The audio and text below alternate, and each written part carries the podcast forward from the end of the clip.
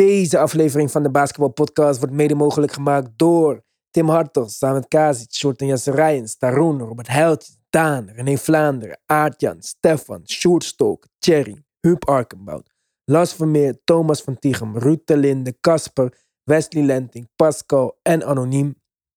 Shoutout naar Ivan Veld, onze nieuwe DBP-member. Welkom bij de family. Shoutout naar Wouter de Jong en bedankt voor je donatie. We groeien nog steeds. Join deze movement. Help ons deze mooie sport te laten groeien in Nederland. Of je nou eenmalig wilt doneren en de podcast in de lucht wil houden, of toch gewoon twee extra podcasts per week wilt om te luisteren. Het kan allemaal. Ga naar de basketbalpodcast.nl en kies luister op petje af. Al jullie support wordt gewaardeerd. Let's go!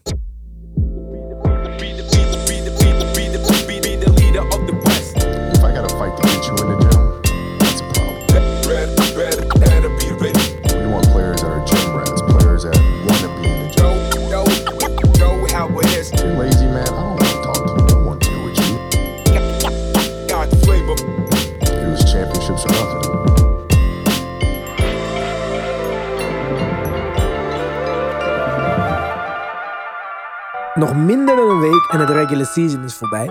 Het is zo snel gegaan voor mijn gevoel, maar het is nog niet over.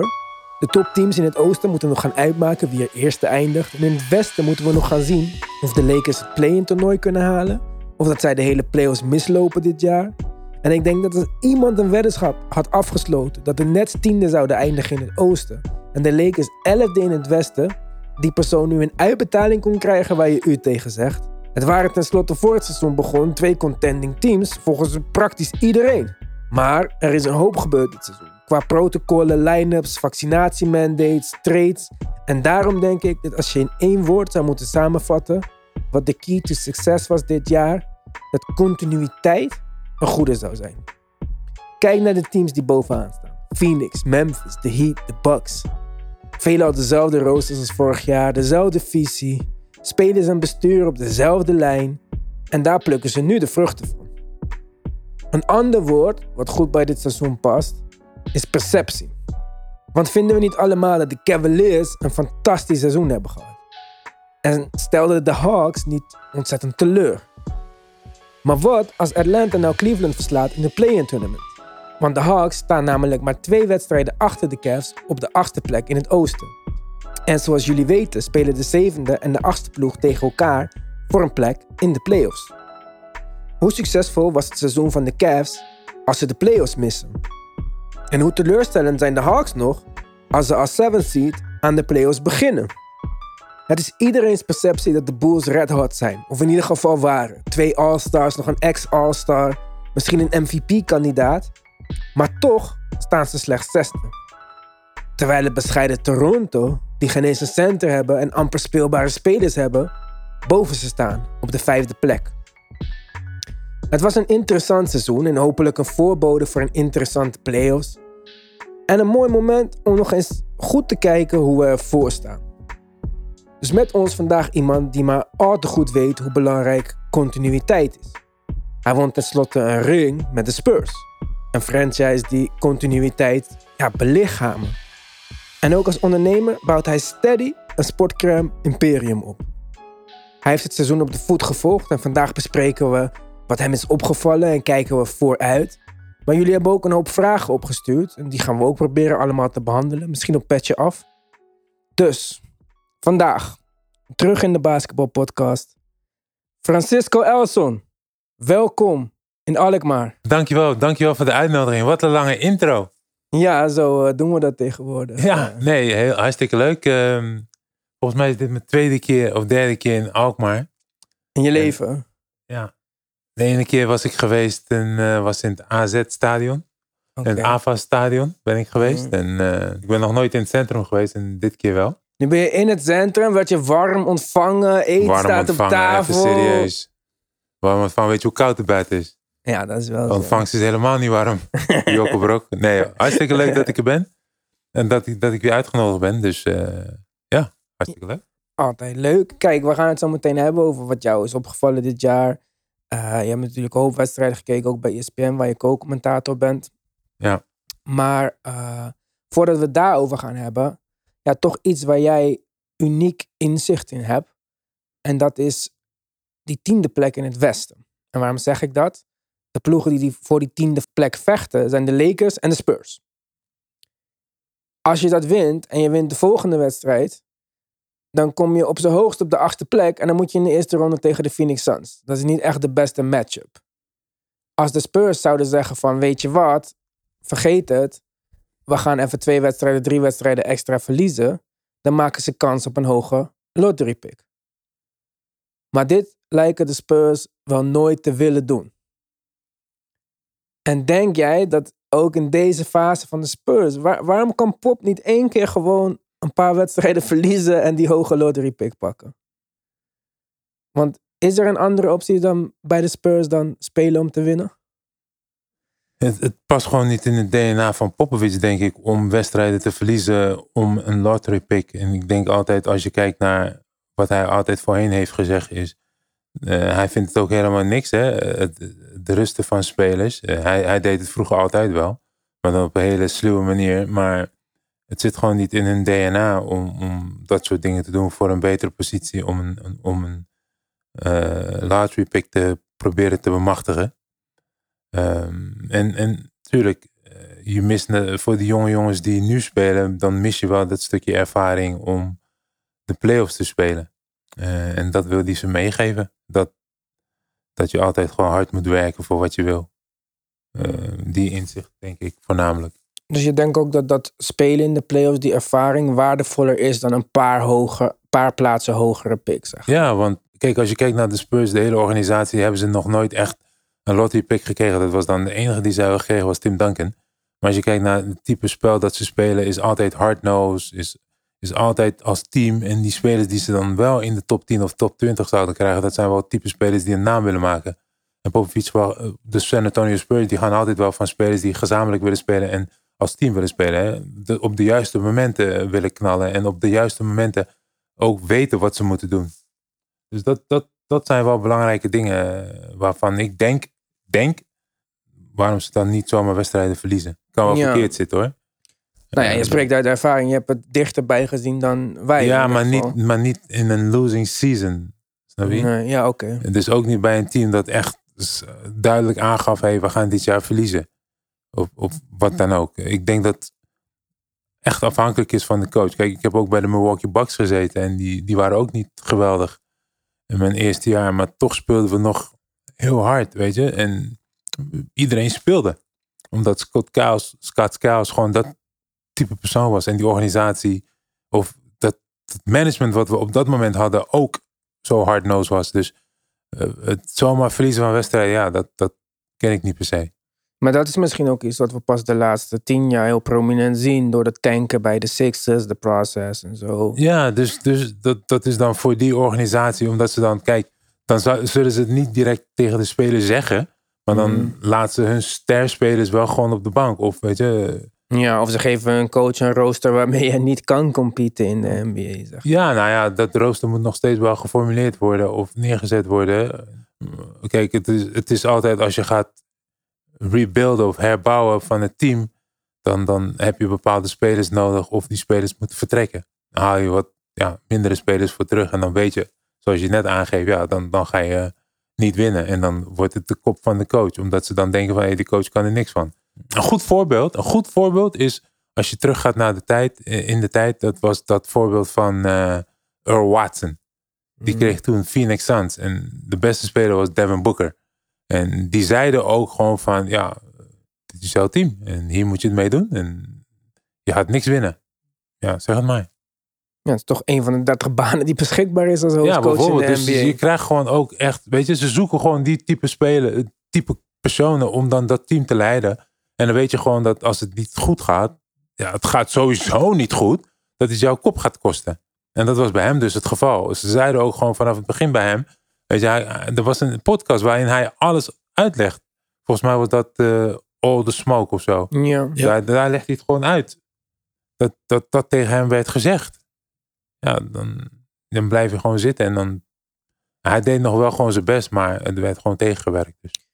Ja, maar bij Phoenix dan, als je ziet wat ze nu doen, dat is een team die het een beetje heeft om, om weten te zetten. Maar als je kijkt naar zo'n Orlando Magic team, die zijn al zo lang slecht. Op een gegeven moment is dat verliezen en losing mentality zit ook gewoon een beetje in je DNA. Ze hebben wel klasse spelers gedraft. Mo Bamba hadden ze. eh, zo, Dus ze hebben nu Jalen Suggs Jalen Suggs hebben ze Jonathan Isaac. Bijvoorbeeld. Weet je, dus er zitten wel talentvolle spelers.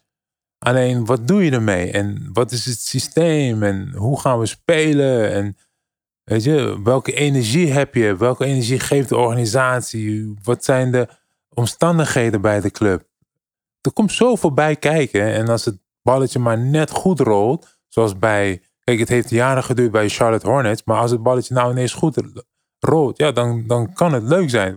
We hebben al een paar interessante clubs genoemd, want we hadden het net even over de Suns. Ben je verrast door het succes van de Suns dit jaar? Zover dat ze boven iedereen staan. Meer dan 10 wedstrijden boven de rest van de NBA. Ehm, nee, ik denk het niet. Ik denk dat Monty Williams en ehm, ehm, James en de organisatie heel goed heeft gekeken naar welke type spelers, maar ook de mentaliteit. Kijk, speel je met zo'n geweldige point guard als Chris Paul. Chris Paul is niet de type speler die, die, die wilt verliezen. Weet je, hij brengt een bepaalde mentaliteit met zich mee. En die mentaliteit is gewoon hard werken en winnen. En doe gewoon wat er gevraagd wordt. En ik zorg ervoor dat jij in een goede positie komt om te scoren. Ik ga daarvoor zorgen. En dat doet hij nu nog steeds. En Devin Booker heeft ook geleerd van... Oké, ik, ik wil beter worden. Mhm. Dit is je job. Als dit jouw job is, waarom dan niet gewoon het beste erin steken? Waarom dan niet gewoon elke dag... Het is het leukste spelletje in de hele wereld. Als basketballer zeg ik dat. Waarom dan niet gewoon de tijd en effort erin stoppen? En dat, dat, doen, dat doen zij. Dat doen zij. Dat doen zij gewoon op, op deze manier. En eh, het verbaast me niet dat zij... eh, kijk, tuurlijk, eh, alles kan, hè. Blessures, Ja, oké, maar dus dat hebben Maar- ze maar- dan heeft ook ja. meegezeten bij hen dit jaar. Zeker, maar ze hebben wel. Wat je, wat je bij. Ze spelen heel simpel. Ze spelen hard, snel en voor elkaar. De effort. Dat is er altijd. En dat is het recept voor succes. Oké, en is dit ook het recept voor succes in de playoffs? Nou ja, vorig jaar stonden ze 2-0 voor, hè? Mhm. Totdat, totdat eh dinges eh, het op zijn heupen kregen. Janus. Ja, toen was het ineens afgelopen. En dan zag je ook hun zelfvertrouwen daalde nadat ze één wedstrijd hadden verloren. Boom. Hè, eh, als Chris Paul helemaal healthy was, denk ik dat ze 4-0 misschien of 3-1 of 4-1 hadden gewonnen. Plus dat veel van hun rotatiespelers jonge guys zijn die, die misschien ervaring nog misten. Ja, dus, dus kijk, er waren wel wat spelers die niet hun, hun topniveau hadden gehaald, zoals dit jaar. Cameron Payne, dit jaar. Cam Johnson. Cam Johnson, geweldig. Ehm, DeAndre Ayton is beter geworden. Dus al die spelers hebben net een jaar onder hun belt, maar ook meer vertrouwen gekregen. Dus dit jaar is gelijk aan vorig jaar. En ze, ze, wat, wat Monty Williams ook zegt, they execute. That, that's what they do. En je zag ook met, met het wegvallen van Chris Paul dat ze nog steeds hoog niveau halen. Mhm. Ja, dat is gewoon geweldig. En dan zie je misschien ook een beetje effect wat Chris Paul heeft gehad op Devin Booker. Hij is veel betere playmaker geworden, Devin Booker, in Ja, de wedstrijd van Chris Zeker. Paul. Bij Phoenix heb je weinig spelers die heel goed zullen worden. Er is maar één speler die echt heel goed gaat worden, De- Devin Booker. En Ayton dan? Ik weet niet of die heel goed gaat worden. Dat weet ik niet. Hij is goed, maar heel goed. Ik denk niet dat hij heel dominant gaat worden.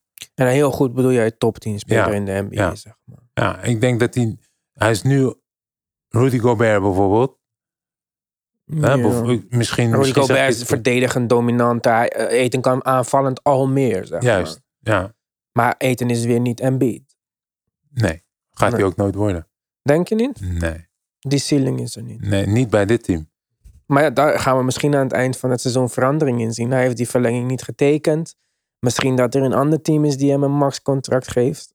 En dan gaan we dus kijken wat hij wil. Wilt hij winnen als collectief of wilt hij ja, stralen Ja, als individu? Ik, ik, ik weet niet welk team hem dan zou nemen om hem dan ook zo dominant te maken. Nou ja, een team met cap space Ja, is de maar- Spurs. Ja, als hij bij de Spurs zou spelen, ja, dan Komt hij in de lijn van David Robinson, Tim Duncan, Francisco Elson. nee.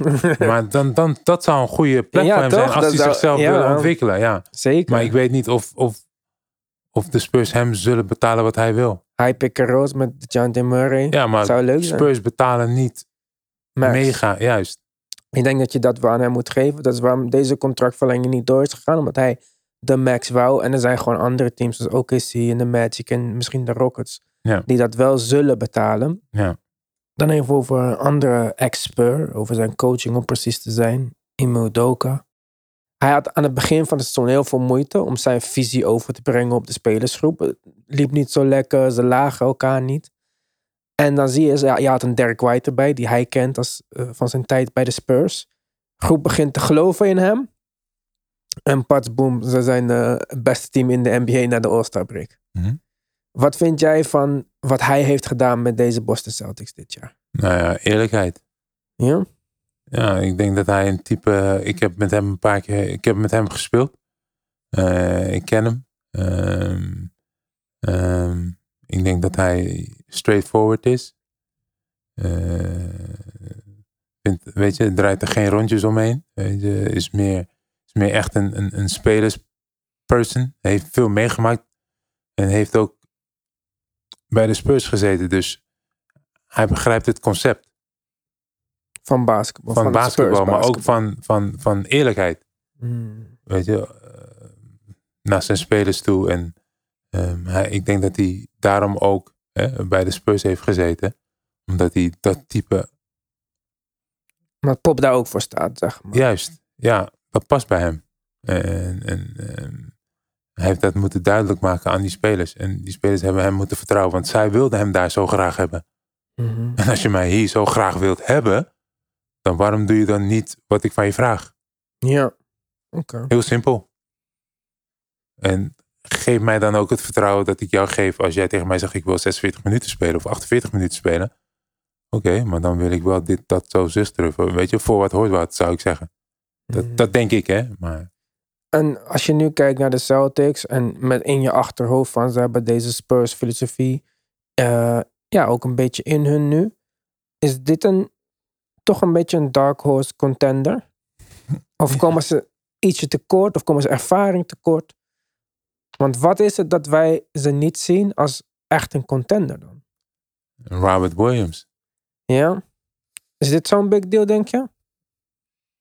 Ja, hij was wel een van de, een, een belangrijke pion. Ja, verdedigend gezien vooral natuurlijk. En in de offense konden ze wel eens een keer een lop naar hem gooien. Mhm. Dus, eh, maar ze doen het hartstikke goed. En om echt uit de East te komen. eh, ja, het wordt niet makkelijk dit jaar voor wie dan ook in het oosten. Wie zijn de main teams te beat in de East Ja, dat zijn gewoon Miami, eh, Milwaukee, Celtics, 76ers. Eh, dat waren al die teams die het in het begin heel goed deden. Hè? Ehm, Chicago Bulls, Brooklyn. Die deden het in het begin heel goed. Nou, Brooklyn staat nu tiende. Eh, Chicago Bulls eh, zijn weer op de terugweg, denk ik. Maar ik Denk zie hun niet direct als een titelcontender. Of een, eh, eh, maar wel een lastige ploeg. Zullen je wel wat strijd geven. Het is geen 4-0 in de eerste Nee, ik denk niet dat het een, een, team is die. Het is geen easy walkover. Een team die je ook niet wil zien vanwege hun lengte eh, en switchen mogelijkheden. En, en een geweldige coach hè, is de Toronto Raptors. Ja, Eh, mensen onderschatten die ploeg, maar het zijn allemaal die spelers die allemaal dezelfde lengte hebben: 6'7, 6'8, kunnen switchen. Zijn allemaal playmakers. Geweldige ploeg, man. Eh, staan ondertussen vijfde. Het eh, grootste probleem wat zij hadden was een korte rotatie. Nou, dat is precies in de playoffs niet het probleem. Dan Ja. gaat iedereen zijn rotatie een beetje naar acht Ja. mensen maximaal. Ja. En dan heb je de 76ers op 4. Ja, met Joel Embiid. eh krijgt ook wel mijn, een, een stem van mij eh, als MVP. Ja, Dat een voortreffelijk tweede helft van het seizoen. Maar ook vanaf het begin zo'n beetje. Heeft hij heel goed zijn best gedaan. Ehm, we zullen zien wat dat gaat worden in de playoffs. hè. Ze hebben geen bank. Totaal niet. Dus het is echt afhankelijk van die twee spelers en, en de point guard. en wat denk je van deze tweede speler in dit team? In de James? playoffs? Ja. Ja, James, James Harden. Kijk. Iedereen is altijd heel sceptisch over die man. Toch? Het uit te veel uitgaan en nooit Mhm. echt komen opdagen op belangrijke wedstrijddagen tegen grote ploegen wanneer het echt telt. Maar die man schiet wel een van de moeilijkste en hardste schoten in de NBA. Dat is de stepback. Ja, een dubbele step back bijna van hem. Maar Huh? een dubbele step back bijna van hem. Snap je? maar- En je moet nagaan hoe moeilijk. Dat is een van de moeilijkste schoten in de NBA, hè? Step back. Niet heel veel spelers kunnen dat. En dan nog wel van drie. Luka Doncic doet, doet het ook. Maar ook met de sidestep. Maar James Harden, dat is zijn bread and butter, man. Dat, dat is wat hij doet. Maar dat was zijn bread and butter in combinatie met drijven naar de basket en Met een de- fout uitlokken. Maar Ja, met zijn maar- langzamere eerste stap is dat hij- een beetje dat- weggevallen. Dat, ik denk dat dat is gekomen vanwege de blessure die hij heeft. En ik denk dat hij Dus daar leeftijd? misschien actief, dat, dat hij daar een beetje eh, bang voor is geworden om dat weer ja, op te gaan zoeken. Zeg op te gaan zoeken, Ja. die grens. Weet je, dus ik denk dat hij nu wel gewoon wilt spelen en hopelijk dat hij, dat hij dan denkt van eh, ik durf meer. Dus er zit waarschijnlijk een angst in. Dat denk ik. En ja, ehm Doc Rivers moet wel zijn beste kant weer laten zien. Want, Anders is Doc Rivers klaar naar dit ja, want, want wat hij nu doet is een beetje onzin. eh, je moet wel met een strategie komen. En ik zie geen strategie in wat hij doet. Nee, in de eerste paar wedstrijden leek het daar wel op. We zagen opeens eh, James Harden off-ball screenen en zo. Dat heb ik hem nog nooit in zijn carrière zien doen. Hij bewoog überhaupt off-ball. Normaal blijft hij staan op één plek. Dat is Ja. nu weer een beetje weggevallen. Staggeren die minuten van Embiid en Harden. Dan Ja. Harden met de second unit. Als de second unit niet goed presteert, krijgt Harden daar weer de schuld van. Omdat hij, het is een beetje nu, het, het zit niet echt op één lijn. Maar het is ook een korte aanloop die ze hebben naar de playoffs om er iets van te maken. Ja. Maar je zei net wel, Joel Embiid, jouw stem voor MVP, daar wil ik het wel even over hebben. Want eh, wij hier in de podcast eh, doen de laatste weken na elke podcast een check van hoe het er in ons hoofd nu voor staat, die Ja. lijst. Ja. En ook de officiële lijst staat Embiid nu derde. Mhm. En staat Jannes tweede en Jokic eerste. Ja. Wij dachten nog, eh, afgelopen uitzending hebben we een rondje gedaan. Iedereen zei Jokic eerst. Ja, ik zag ook Jokic. Ik wel, zegt hij, krijgt, niet- hij krijgt een stem. Een stem, Hij krijgt een stem. Maar Dacht, ik ik, zeg wil dit wel eventjes eh, weten. Nee, nee, nee, nee. Nee. Jokic, Jokic is bij, bij met grote stappen passen, wat je ook wil zeggen, is die man gewoon de MVP van de NBA dit jaar. Qua Ja. statistieken is die, eh, als je kijkt naar zijn staken, is ja. die overal top in. En, en dan zonder zijn supersterren, hè? Zonder het zijn ploegmaatjes, wat hij doet. En hij, hij gewoon de playoffs halen. Of ja, Ja, dik. Hij staat gewoon niet eens in de play-in. hij staat gewoon vierde. Of nee, ik jok. Zesde als het goed is. Ja, zesde. Ja. Dus dat is, dat is al heel goed, man. Dat is, ja, dat is geweldig. Ja, als je echt kijkt naar die naam, most valuable player. Ja. dan, Kijk, hij is waarschijnlijk, hij is, niet, hij is niet de speler waar iedereen het over heeft Mhm. hè, in de NBA. Nee. Hij is niet de meest marketable speler. Ja, en als ze hem dan vragen, hey zeg, wil je die MVP award graag? Zegt hij, ja, dat maakt me eigenlijk niks uit. Als Ja. een big man het maar krijgt. Ja, Terwijl andere spelers ook in het verleden hebben wel echt gecampaigned om die MVP award te Ja. krijgen. want wie had jij als stem? Jokic. Maar ik wilde je wel vragen, wat, wat vind jij dat er gebeurt met eh, jouw stem voor hem als hij wel in de play-in valt? Is dat een grens voor je? Of? Het gaat niet meer. Ze kunnen niet meer in de play-in vallen? Ja, het kan, maar ze staan 2,5 wedstrijd voor Minnesota. Dus dat wordt best wel Ja, lastig. Er zijn ons- nog zes wedstrijden, Ja. vijf wedstrijden of zo. Zes, vijf wedstrijden.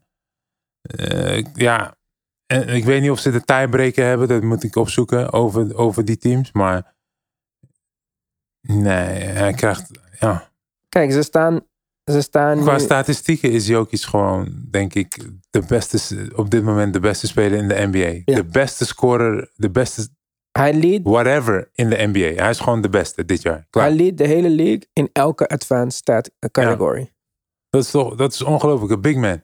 Als je ziet wat hij doet met zijn team. Hij is gewoon eigenlijk de Chris Paul van, weet je, van de Denver Nuggets. Of nog veel beter. Klopt, absoluut. Ja, want Dus, hij scoort eh, nog een hoop meer zelfs dan ja. Chris Paul. Ze staan twee wedstrijden voor Minnesota. Dus met nog zes wedstrijden. En ze staan gelijk met Utah. En Utah heeft 16,5 wedstrijden. Heeft dus de tiebreaker, want die staan nu gelijk. Maar staat wel nu al vijfde. Dat betekent dat één wedstrijd verliezen van Utah die Denver wel kan winnen. Dat betekent dan al dat ze vijfde kunnen eindigen. En als je dat vergelijkt met Philadelphia, die eigenlijk ja, waarschijnlijk, waarschijnlijk eindigt op de vierde plek. Dan verschillen ze in de standings maar één plek. Ja, en records Ik denk, ik, gelijk, denk, ik denk ook dat ze dat wel willen hoor. Ik denk niet dat ze Denver willen. Ik denk niet dat ze Golden State willen. Ik denk, ik denk dat het een makkelijke matchup is voor die gasten als zij eh, Dallas krijgen. Nou, dat zou een mooie matchup zijn voor Europa. Dan zitten we hier allemaal eh, voor de tv. Ja. Alle Luca-fans, alle Jokic-fans. Ja, dat, dat, dat denk ik, hè. Eh, want hij heeft dan, er is niemand die hem zou kunnen stoppen bij Dallas. Nee. Nee, dat klopt. Absoluut. je, en, en Pijnlijk voor Tim, eh, Boban- onze eh, lokale ja, derde. Dat is wel waar. Ja. Ja, want Boban gaat niet spelen. Eh, Nee, nee, nee. Die heeft al het hele jaar volgens mij niet gespeeld. Nee. Ja. Dwight Powell eh, maakt daar de meeste minuten op center. Ja, die gaat, eh, die Ja. gaat Jokic niet stoppen. Dat is niet, Nee. eh, dat is niet wat hij doet. Maar daarentegen, wie gaat Luca stoppen bij eh, Denver? Austin eh, Rivers? Nee, maar kijk, je, je zou kunnen zeggen van, weet je wat, laat Luca maar gewoon zijn ding doen. Mhm. En aan de andere kant zullen wij zorgen dat, eh, weet je? Dat eh, kan een strategie dat zijn, de rest absoluut. niks kan. Wa- Wat vind je daarvan? Als we kijken nu, want we hebben het gewoon over een first round playoff matches tussen Luca en tussen eh, Jokic. Twee van de beste spelers in de NBA. Allebei van Europese kom af. Gooi daar nog Giannis bij die Europees is. En B die niet Amerikaans is. In jouw tijd waren was het nog niet zo gebruikelijk dat een Europese speler voor niet-Amerikaanse speler opdook in die topregionen in de NBA. Hoe denk je dat dat verschil Nou ja, is je had? Dirk Nowitzki, je had Tim Duncan, oké, Virgin Islands, maar Ja, speelde voor Amerika. Ja, maar ja, het was, ja, het was, het was niet zozeer gebruikelijk, maar ze waren er wel. Maar ze kregen niet, zeg maar, Die kans om Die- te laten zien. of het nou echt Tony Park had je destijds ook, maar Ja, tuurlijk. ja. Kijk, je had- en Manu trouwens, wat Manu, zeg ik, ja. maar ja, ja, je hebt, het, het, ja, de stemmen gingen meestal naar de grotere spelers, de Amerikaanse spelers. En nu zie je gewoon dat de Europeanen ook talent hebben en domineren op een hele andere manier. Kijk, het hoeft geen hoogvlieger te zijn, maar het zijn wel hele andere klaspakken bijvoorbeeld. Hè. Jokic is gewoon een geweldige paser, geweldige scorer, geweldige teammaat. Eh, hetzelfde geldt ook voor Janis. Janis is ook een geweldige speler op een hele andere manier. Dus eh, weet je, dus je ziet gewoon dat die Europeanen nu ook zien van oké, ze breken nu echt die, die, die grens. En, en met hun, met hun eigen stijl van spelen. Ja, het is wel grappig, want wij, ik heb een weddenschap afgesloten in de podcast. Ik weet niet meer met wie. Maar dat de komende, of nee, was een hot take. Dat de vijf MVP's op rij zullen zijn die niet uit Amerika komen. En we zijn al aardig op weg. We hebben twee keer Giannis, één keer Jokic. Dit jaar gaat Jokic, Giannis of Embiid het winnen. Dan hoeven we alleen nog volgend jaar een Europese MVP. Ja, dan zou het Luka Doncic kunnen zijn. Vijf klopt, jaar op rij. Als Luka Doncic in het begin van het jaar, Ja.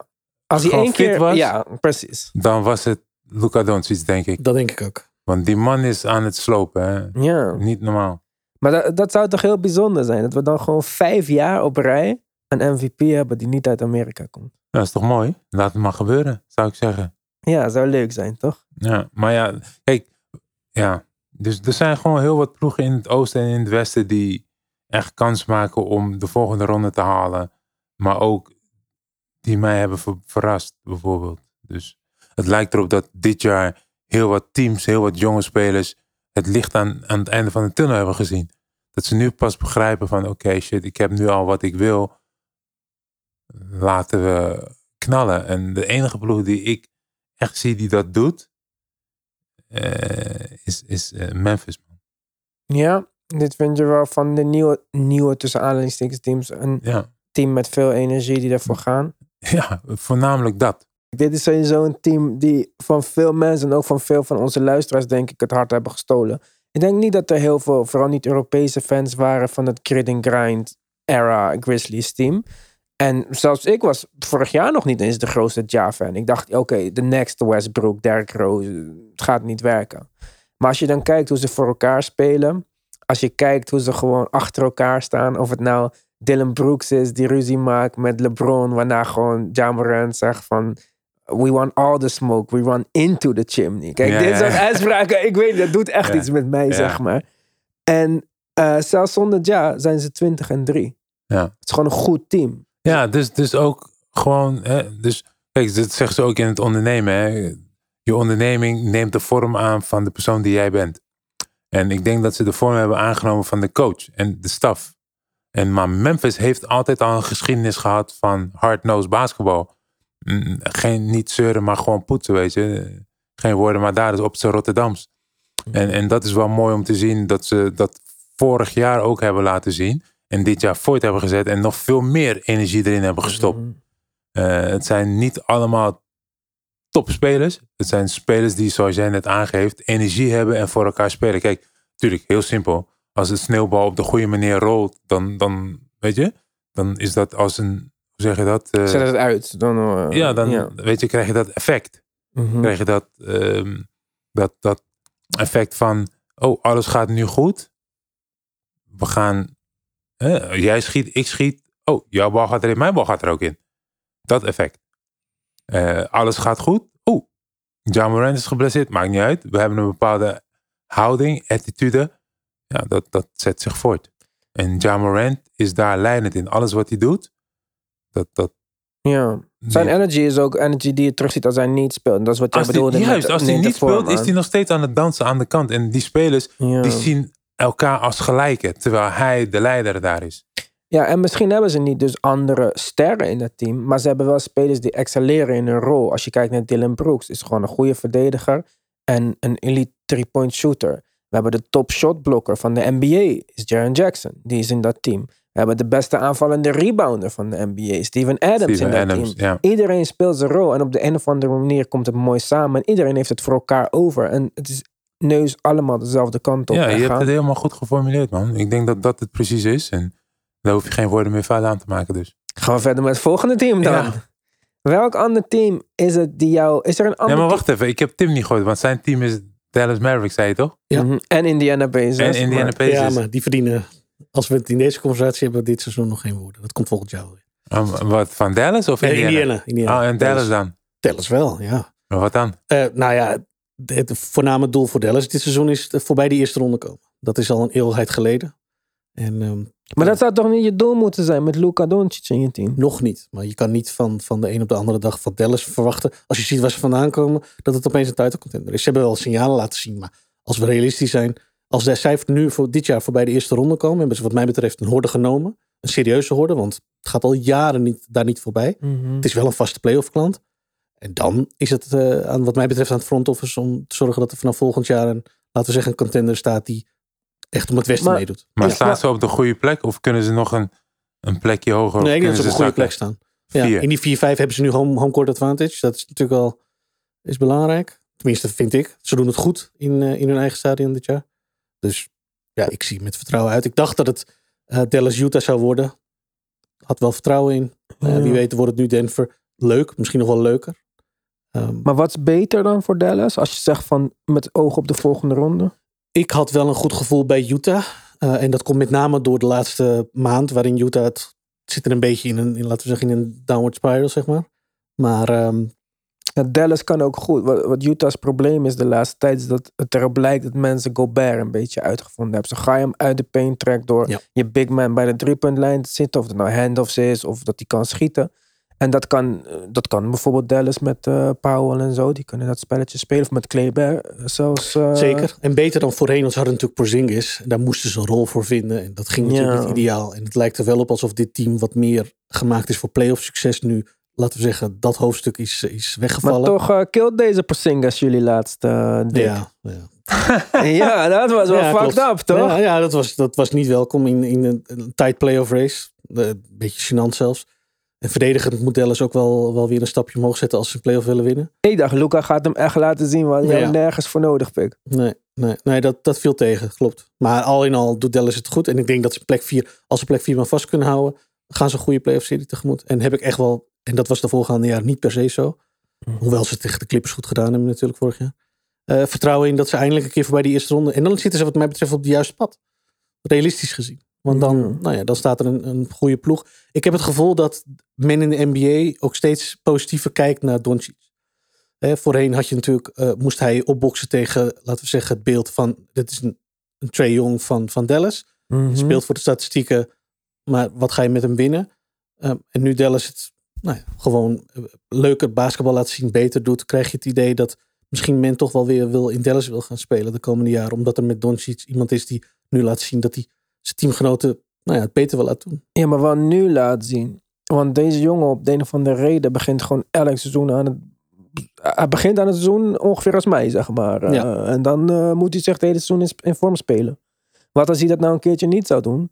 Dan zouden ze misschien nu tweede of misschien zelfs eerste staan. En dan hebben ze al een makkelijkere eerste ronde matchup. Je Ja. maakt het jezelf wel elke keer moeilijk als jij gewoon met een achterstand aan de playoff race begint, zeg maar. Nou ja, hij was niet lang geleden bij JJ Redick in de podcast. Die confronteerde hem daarmee en hij gaf ook te kennen van ja, dat, dat was ook gewoon een, een, een foute calculatie van mijn kant dit jaar. Dat heeft me dit jaar meer gekost ehm, om, om, eh, om mezelf in vorm te werken dan ik had gewild, had gehoopt. Ja. En ik denk, als ik hem zo zie, denk wel dat hij in, in, in zoverre een wijze les heeft geleerd. Mag ook wel een keer. eh, om te voorkomen dat dat volgend jaar nog een keer gebeurt. Zijn zomer zal er ook anders uitzien, want zijn Ja, geen Olympics. hopelijk wel, ja. Ik wil die jongen echt niet één foto zien met een Richo of een Shisha of zo. eh, Het moet echt alleen maar gewichten. Lekker laten en, gaan. eh, Gaat erom, beoordeel hem op het moment dat die eerste wedstrijd begint. We zien het volgend jaar. Ander team die het wat minder slecht, eh, wat minder goed doet. En eh, toch een raadsel een beetje. Ik noemde ze in de intro al. De Lakers, Francisco.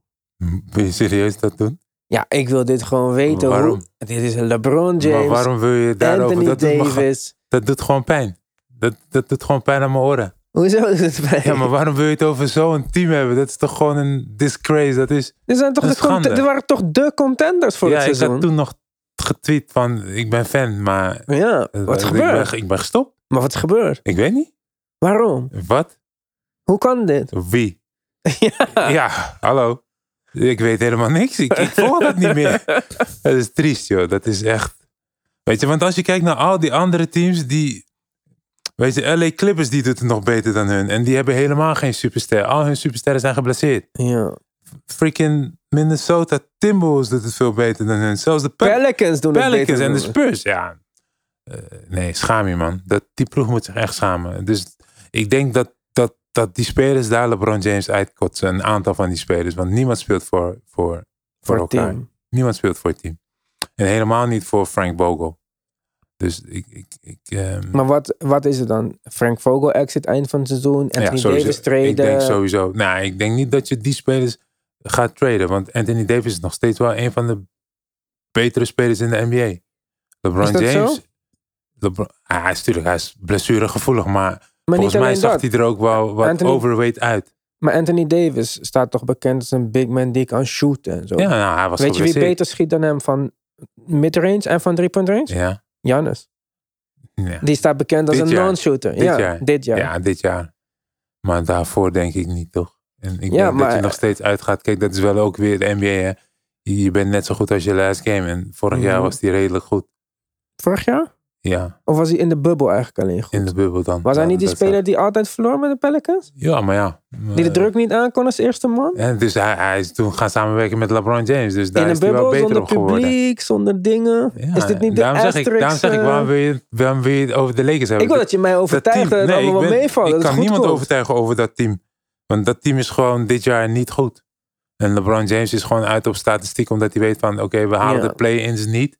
En we halen sowieso geen play-offs. En ook al halen ze de play-offs. Ja, waarom wil je dan tegen de Phoenix Suns gaan spelen? Ja, want dan lig je eruit Of- in de eerste ronde, toch? Ja, of tegen de Grizzlies. Ja. Weet je, van één, LeBron James, het team van LeBron James is één, niet snel genoeg. Twee, Mm.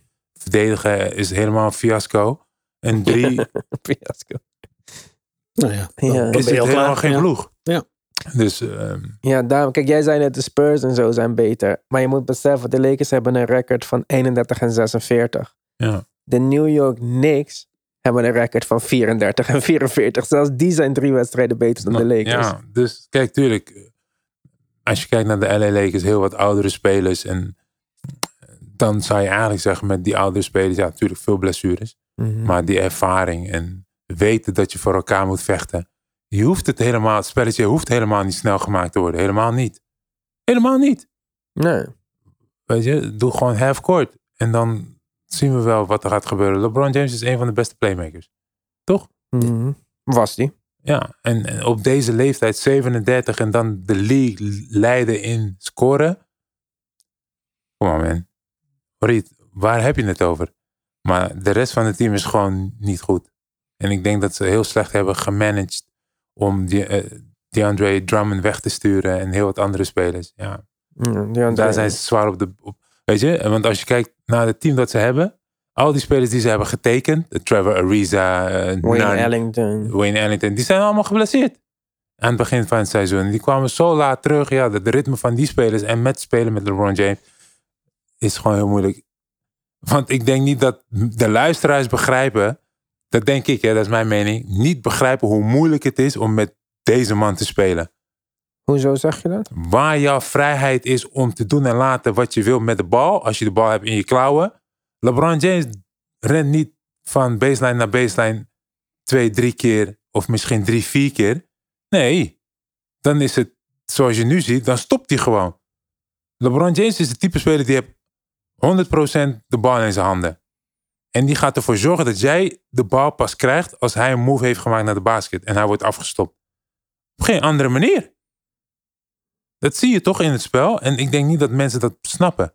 Heel veel spelers moeten hun spel aanpassen, want er zijn breaks, fast breaks, waarop je LeBron James ziet rennen en die bal gaat ineens naar, de, naar iemand anders. Dan zie je LeBron James gewoon stoppen. Of een gezicht maken van, why the fuck you didn't pass it to me? Hmm. Dat is, weet je, LeBron James, man. Dus ik denk niet dat heel veel mensen, toen ze hadden getekend, begrepen van, shit, ik ga met LeBron James spelen. Ja.